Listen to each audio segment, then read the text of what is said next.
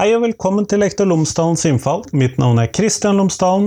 Det er tirsdag, og det er på tide med et nytt intervju på podkasten.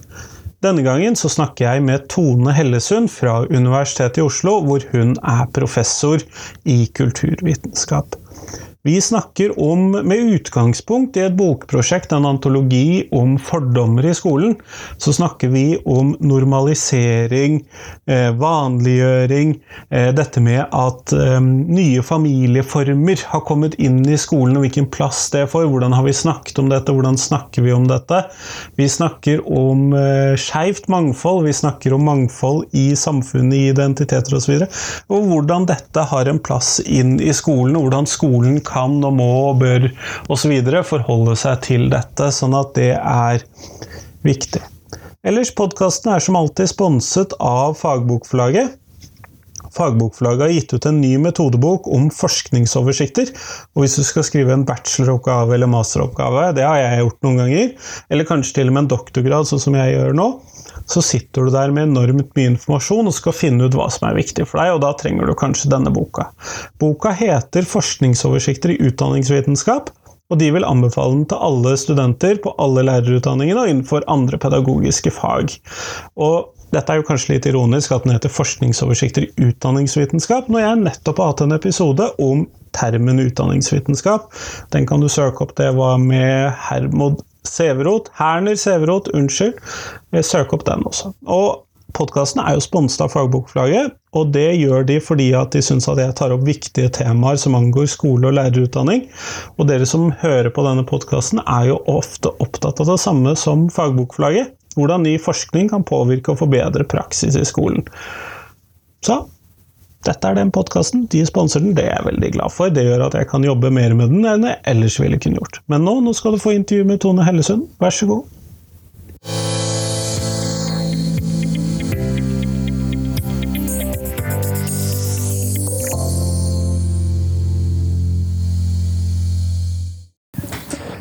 Tone Hellesund, tusen takk for at du har tatt deg tid til meg i dag. Takk for at jeg fikk komme.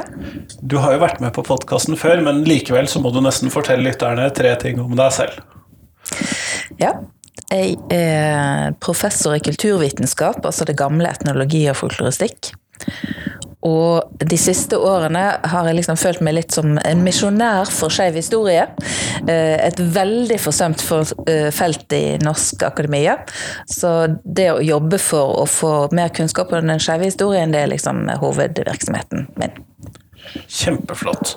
Du, eh, vi skal snakke om et kapittel, eller med utgangspunkt i et kapittel som du har skrevet i en bok som heter 'Fordommer i skolen'. Og så er det noe der med noe hvordan man har sett på de homofile som en del av eh, skolen, eller sett på homofile fra skolen, kanskje riktigere? Hvordan har, liksom, hvordan har dette bildet vært tegnet opp tidligere, hvis vi starter med et historisk utgangspunkt?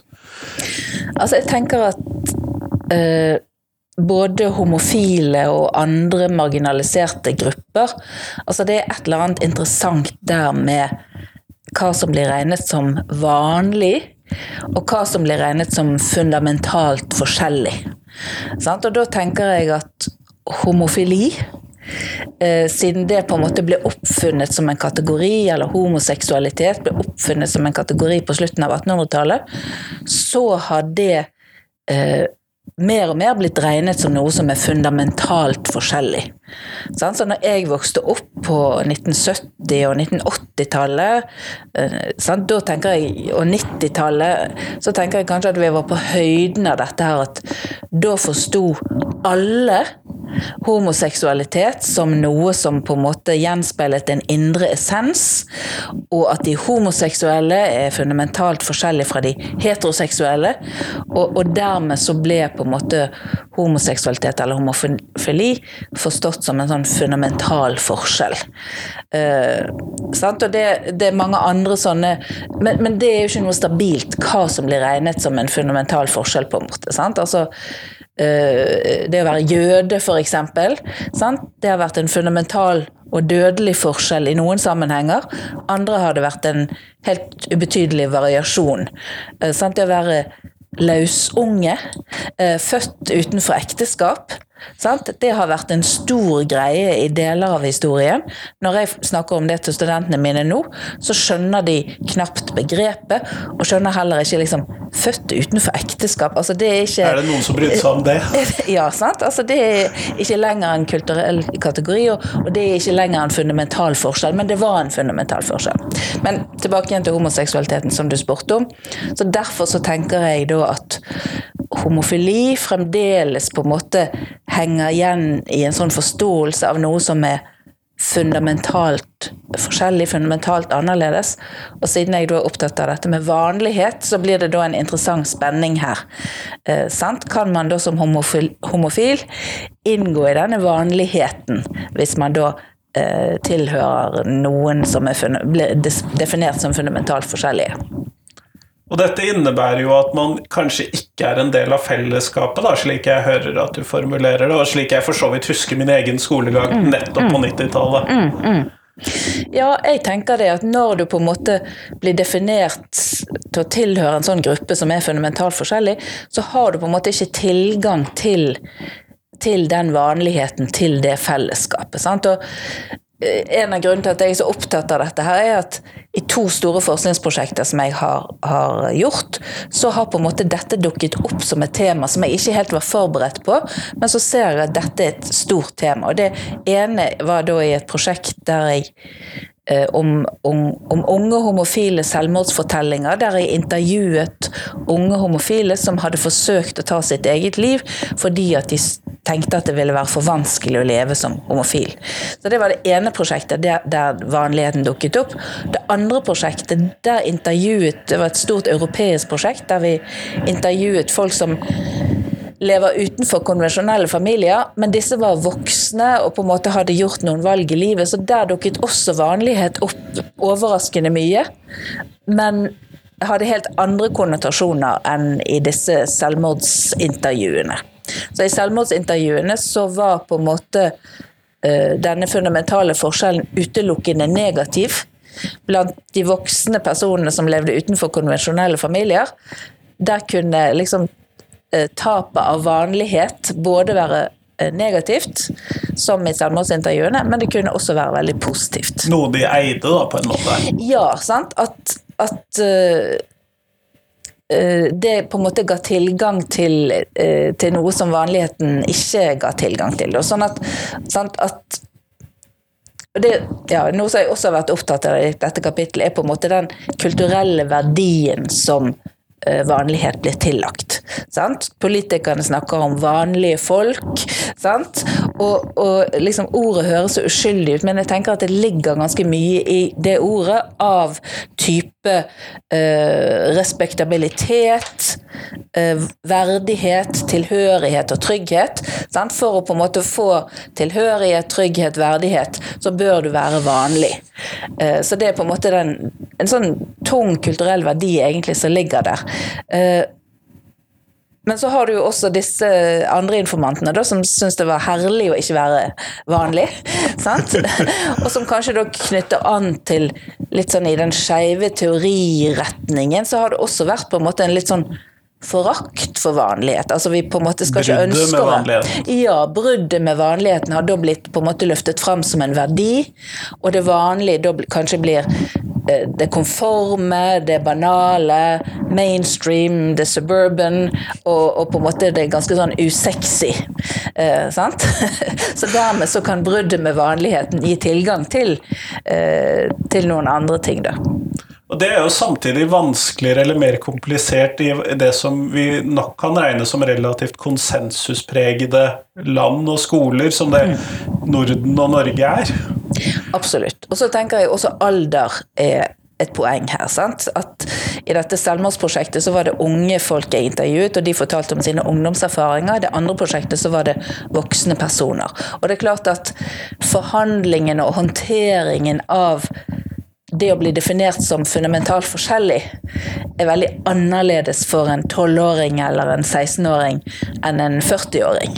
Sånn at når vi snakker om skolen, så tenker jeg at det er viktig å tenke igjennom hvordan man som eh, voksen i skolen er med på å produsere og reprodusere da potensielt noen som vanlige og andre som uvanlige.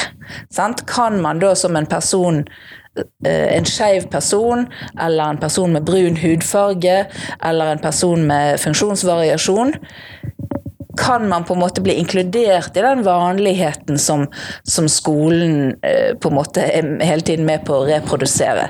Og hvis ikke man kan det, så tenker jeg at vi har et problem. Da må, da må vi som voksenpersoner forsøke å gjøre noe for at også disse elevene kan på en måte bli regnet i den vanligheten. Noen av disse selvmordsfortellingene der intervjuet jeg jo da personer, og, og noe av det de trakk fram, var jo nettopp dette her at de, de på en måte fikk ikke føle seg som en selvsagt del av verden. Sant? Fordi at eh, så mye blir eh, blir snakket om som de homofile som befinner seg på et, et annet sted. Altså de, de, inngår på en måte ikke i, i lærebøkene på normal måte. De, de inngår ikke i dette vi-et som hele tiden konstrueres. De er på en måte noe annet. Så det å få alle elevene til å føle seg som en selvsagt del av verden, det, det ville jeg tenkt var et mål i skolen, da. Og dette er jo en utfordring, og jeg har jo ikke sett de nye mattebøkene f.eks., men jeg lurer jo litt på om eh, Pål og Arne er like inkludert i mm. boka som mm. Pål og Kari f.eks. Mm. I oppgavetekstene. Nettopp. sant? Sånn at altså, i veldig lang tid så har jo da Når homoseksualitet kom inn i skolen, så kom det inn i seksualundervisningen. Sant? Mens i historie og samfunnsfag der jeg tenker at det hører veldig naturlig til. Altså, når jeg gir rundt og holder foredrag og spør hvem har lært noen ting om skeiv historie når de gikk på skolen, så tror jeg det har skjedd én gang at det var én person som rakk opp en hånd. Men ellers er det på en måte ingen som har lært noen ting om skeiv historie på skolen. Jeg tror en av de første lærebokene som har tatt dette inn som en del av historieundervisningen, kom for et par år siden. Jeg skal ikke garantere det, men eh, eh, ja, Så det, det, sier også noe om Nei, da er du ikke en selvsagt del av verden, da, når, når ikke dette blir nevnt engang i historie og samfunnsfag. Men har du noen tanker om uh, hvordan dette kan hva skal vi kalle det, normaliseres? Da? For det er vel kanskje motsatsen da, til denne andregjøringen, er denne normaliseringen. Eh, hvordan, eh, hva som er viktig å tenke på eller fokusere på eller gjøre i den sammenhengen. Er det noe du ser i f.eks. i samtalene med disse unge som de savnet i dette? Altså det, ja.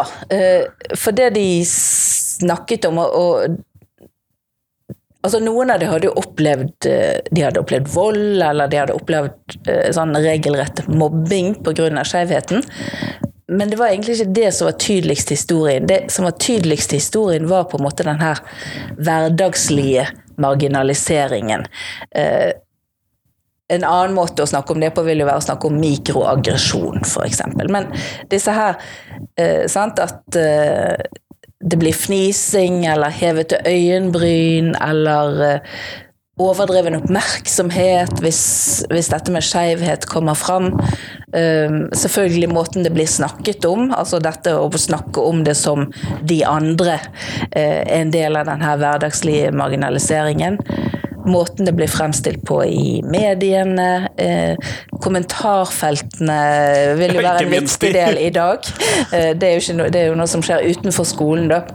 Men, men ja, det som du snakket om med mattebøkene. Altså det å inkludere dette som en naturlig del av verden da, gjennom, gjennom undervisningen, og, og, på en måte ikke liksom ha dette Opprettholde dette fundamentale skillet da mellom heteroseksuell og homoseksuell. Og, og selvfølgelig også det Ikke bare det at det har blitt uh, konstruert et sånt uh, fundamentalt skille mellom de to, men også at dette med seksualiteten som eh, på en måte personlighetens essens, er jo også noe som har vært så sentralt gjennom 1900-tallet. sant? At seksualiteten er på en måte sannheten om selvet. sant? Eh, sånn at, at liksom Hvis du får vite det, eh, da vet du på en måte den optimale sannheten om dette mennesket. sant? Og dette tenker jeg denne eh, moderne identitetsforståelsen av homoseksualitet det har jo vært en viktig kulturell forståelse, sant? og som også har laget grunnlaget for hele homobevegelsen. Som har ført til borgerrettigheter for, eh, for skeive osv. Så sånn at det er klart at den forståelsen har vært veldig produktiv og oppleves som veldig meningsfull av mange skeive. Men den har også noen problematiske sider ved seg, tenker jeg. Ja, for det blir jo på mange måter et Man trenger behov, eller man har et behov for å være lovlig som den man er, og uten skam for den man er, men så når man nærmer seg der, eller kommer dit, så må du også anerkjennes som en full person ved siden av dette. Mm, er det sånn jeg mm. forstår deg? Mm, uh, og det, det, er jo selvfølgelig en endring i historiefortellingen det kan i hvert fall oppfattes som en endring i historiefortellingen for de som kanskje står utenfor dette, eller ikke kjenner dette så godt. Mm. Samtidig så vi ser jo også at disse tingene endrer seg kulturelt. sant? Altså Ungdommer i dag er mindre opphengt Eller jeg tenker at det, det er ulike trender i ungdomskulturen. Sant? Så du har både på en måte en sånn mer flytende tilnærming til seksualitet og seksuell identitet. Eh, men du har også en sånn reproduksjon av disse gamle fortellingene. Sant? Du hadde en sånn komme ut-serie på NRK for, for, et par år siden. Og dette med liksom å komme ut, og hva sa foreldrene dine, og, og når oppdaget du det, og, og, alle disse tingene, det er på en måte en gammel fortelling. Sant? Det er nesten samme fortelling som kunne vært fortalt på 1960-tallet, 1970-tallet, 1980-tallet, 1990-tallet. Sant? Og det er også mange ungdommer i dag som på en måte forteller de fortellingene, og som opplever de som på en måte mest eh, treffende og beskrivende for, for uh, seg sjøl. Og så har du mange andre ungdomsgrupper som har en mer sånn åpen og flytende tilnærming til seksualitet, der disse seksuelle kategoriene ikke er så faste og fasttømrede som de har vært gjennom store deler av 1900-tallet. Men jeg oppfatter eh, min kontakt med den samme gruppen tyder jo også kanskje på at det, den der komme ut-fortellingen handler kanskje mer om møtet med oss voksne i mm. dette, mm. og mindre om møtet med hverandre. Ja, interessant. Ja. Og det, det, virker jo veldig logisk, siden det faktisk er noen ganske store generasjonsendringer som holder på å skje akkurat nå i dette feltet. sant? Mm. Det kan jo, og dette henger jo på mange måter sammen med en del andre utgrupper, hvis jeg skal bruke mm. det, i skolen. Altså uh, disse marginaliserte eller uh, ikke vanliggjorte gruppene. At man prøver å inkludere dem som noe mer enn bare den identitetsmerkelappen. Mm. Mm. Man er ikke bare same. Nei, sant. Mm. Uh, men denne normaliseringen høres ut som at det er noe som er viktig at vi lærere, men også lærerstudentene mine, da, er veldig mm. bevisst på. Hva, mm. hvordan tenker du at vi kan bygge opp en bevissthet om normalisering? Ja, og så er det selvfølgelig et kjempeproblematisk ord også, dette med normalisering. Sant? Og særlig for meg som kommer liksom fra sånne skeive studier som på en måte er indoktrinert med liksom eh, normaliseringstvang som noe veldig problematisk og negativt. Men, men, jeg mener det at i skolen så er skolens oppgave å sørge for at alle kan føle seg inkludert og, og oppleve seg som, som en selvsagt del av verden. Så da tenker jeg rett og slett å jobbe med, med disse reproduserende tingene i seg sjøl. Altså se på YouTube-videoer om mikroaggresjon, lese seg opp på sant? Få eksempler på hva, hva er det som kan oppleves som andregjørende eh, hos eh, denne type grupper. Sant? Og hvis man da aldri har tilhørt, en marginalisert gruppe sjøl, så, så må man lese seg opp, eh, høre på hva marginaliserte grupper forteller. Hvordan virker rasisme i dagliglivet? Hvordan virker på en måte homomarginalisering i hverdagslivet?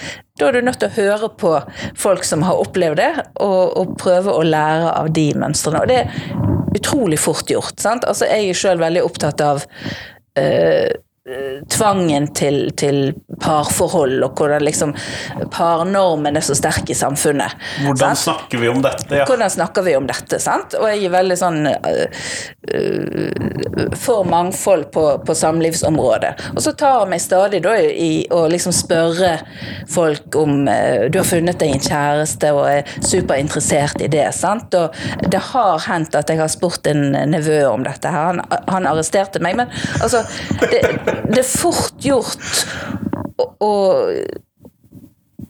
legge seg til sånne reproduserende mønstre, selv om man egentlig ikke vil det. sant? Eh, eh, så, så på, eh, på homofeltet så må man høre da på Eller lese seg opp på på hvordan denne type hverdagslivets marginaliseringsmekanismer virker. Og det, det fins mange eksempler på det, og mange røster som er villige til å fortelle om det. Både på rasismefeltet og på homofeltet. Sant? Ja, akkurat det mangler det jo ikke på, har jeg jo lagt merke til. Eh, men, og det er jo interessant du, at du trekker fram dette med parnormen, og jeg burde jo ventet det fra deg. Eh, det burde jeg jo.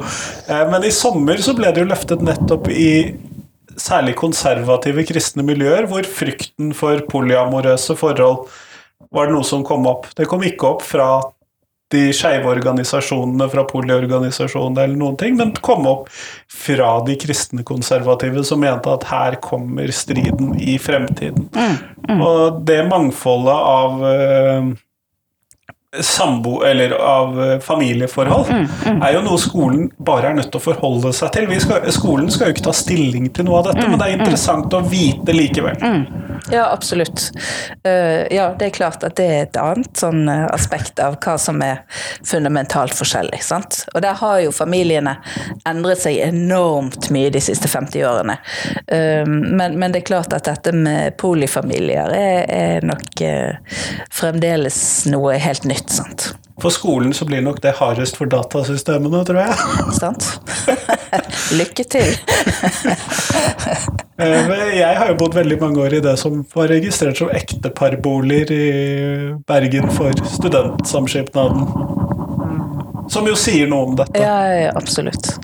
Absolutt. Men kan det være mer nyttig å snakke om inkludering av alle istedenfor normalisering? Hva tenker du om det? For jeg så jo den åpenbare problematiseringen av normalisering. Mm. Ja. Eh, akkurat, akkurat, Jeg vet ikke hvor viktig det er hva vi kaller det, men, men eh, det å jobbe for at alle skal eh, få den tilhørigheten og, og, og, se at vi har en plass i dette fellesskapet. Eh, så, så ja, så inkludering er sikkert eh, Jeg er enig i det. Det er bedre enn normalisering. Samtidig, jeg liker jo så godt, jeg liker så godt dette ordet vanlig. Jeg elsker det på en måte fordi at det er så lite og uskyldig, og samtidig så, så sier det så mye, og det gjør ganske mye. Det er et ord som gjør ganske mye om du blir definert som vanlig eller uvanlig. Um, så ja. Og der må det jo ligge et ganske stort minoritetsstress ved å være mm. stemplet som uvanlig, vil jeg tro. Ja, absolutt. Sant? Og det at du Og det var jo også noe av disse, disse ungdommene som jeg intervjuet og snakket mye om. Sant? De følte seg så utrolig vanlige. Eh, de hadde lyst til å leve et vanlig liv i den vanlige bygda som de kom fra, eller vanlige familien som de kom fra. Og så gikk de og kjente på da disse eh, samekjønnsforelskelsene eller tiltrekningene, og så tenkte de at alt det vanlige de ellers var. Sant? De var flinke på skolen, eller de var idrettsungdom, eller de var forskjellige ting. Men så kom denne homoseksualiteten og ødela alt. Sant? Altså, da spilte det ingen rolle lenger alle de andre identitetene de hadde. For da ville de være den homoen i den klassen. sant? Uh, sånn at, at, at, akkurat denne alt det andre, alle de andre identitetskategoriene de hadde, det betydde så mye mindre enn denne liksom lysende, blinkende identiteten, som på en måte fratok de da muligheten til vanlighet for all framtid. Både på en måte i skolehverdagen, men også i framtiden. Så det er jo både Altså skolen må jo på en måte både forsøke å gi ungdommene eh, en god tilhørighet i skolehverdagen. Men også, tenker jeg, gi de muligheten til å se eh, seg sjøl som en selvsagt del av verden i framtiden. Altså, du er en del av samfunnet. Eh, du skal ut i samfunnet og være en del av det. Eh, eh, og det er også noe å liksom gi framtids visjoner og framtidshåp for ungdommene, på en måte. Sant? At, eh, at uh, skeive er selvfølgelig en del av samfunnet og kan gjøre alle ting i samfunnet og være en del av, av uh, ja, tralten både på skolen og i livet etter skolen, på en måte. Du må ikke flytte til Oslo og bli, bli frisør uh, hvis du er homofil gutt, på en måte. Sant? Altså gi på en måte visjoner om alle de ulike livene som, eh, som alle elevene kan, kan velge framover.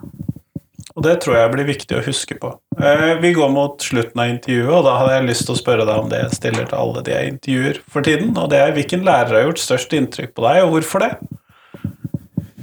Jeg har hatt mange flinke lærere, men den læreren som jeg tror har hatt størst betydning for meg, det er en lærer som jeg hadde på barneskolen, Vera Espeland Ertresvåg. Som var historiker, og jeg kom fra et byggefelt i Åsane der eh, på en måte 68-opprøret aldri hadde nådd fram.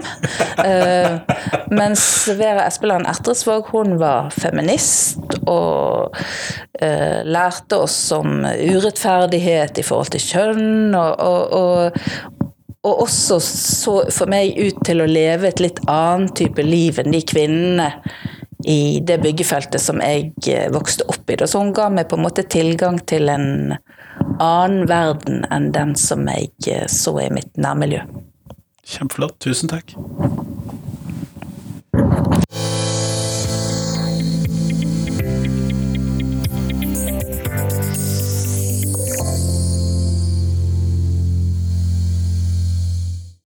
Tusen takk til Tone, og tusen takk til deg som hørte på. Nå er det vel Det kommer en ny episode på fredag. Den handler om ChatGPT. Det kommer det til å gjøre litt fremover. Men jeg må passe på å time dette helt riktig, sånn at eh, det kommer kanskje noen repriser innimellom. Fordi at jeg planlegger episode nummer 500. Det har du kanskje sett på podkasten min. Og hvis du går inn på Facebook, så finner du mer informasjon om det. Du finner også mer informasjon på lektorlomsdalen.no. Og det er altså 14. mai klokken 12. Det er en søndag, det er live, det skjer på YouTube og Facebook. Så kan du se en debatt, en panelsamtale om ståa i norsk skole. Da kommer utdanningspolitiske talspersoner fra Arbeiderpartiet og Høyre, og eh, Simon Malkenes og nå leder for lektorstudentene, Andreas Halvorsrud, kommer på podkasten. Dette blir bra, dette blir live, dette gleder jeg meg til. Episode 500 på bursdagen min. Dette er kult. Men nå, nå får du ha en eh, fin dag videre. Hei, hei.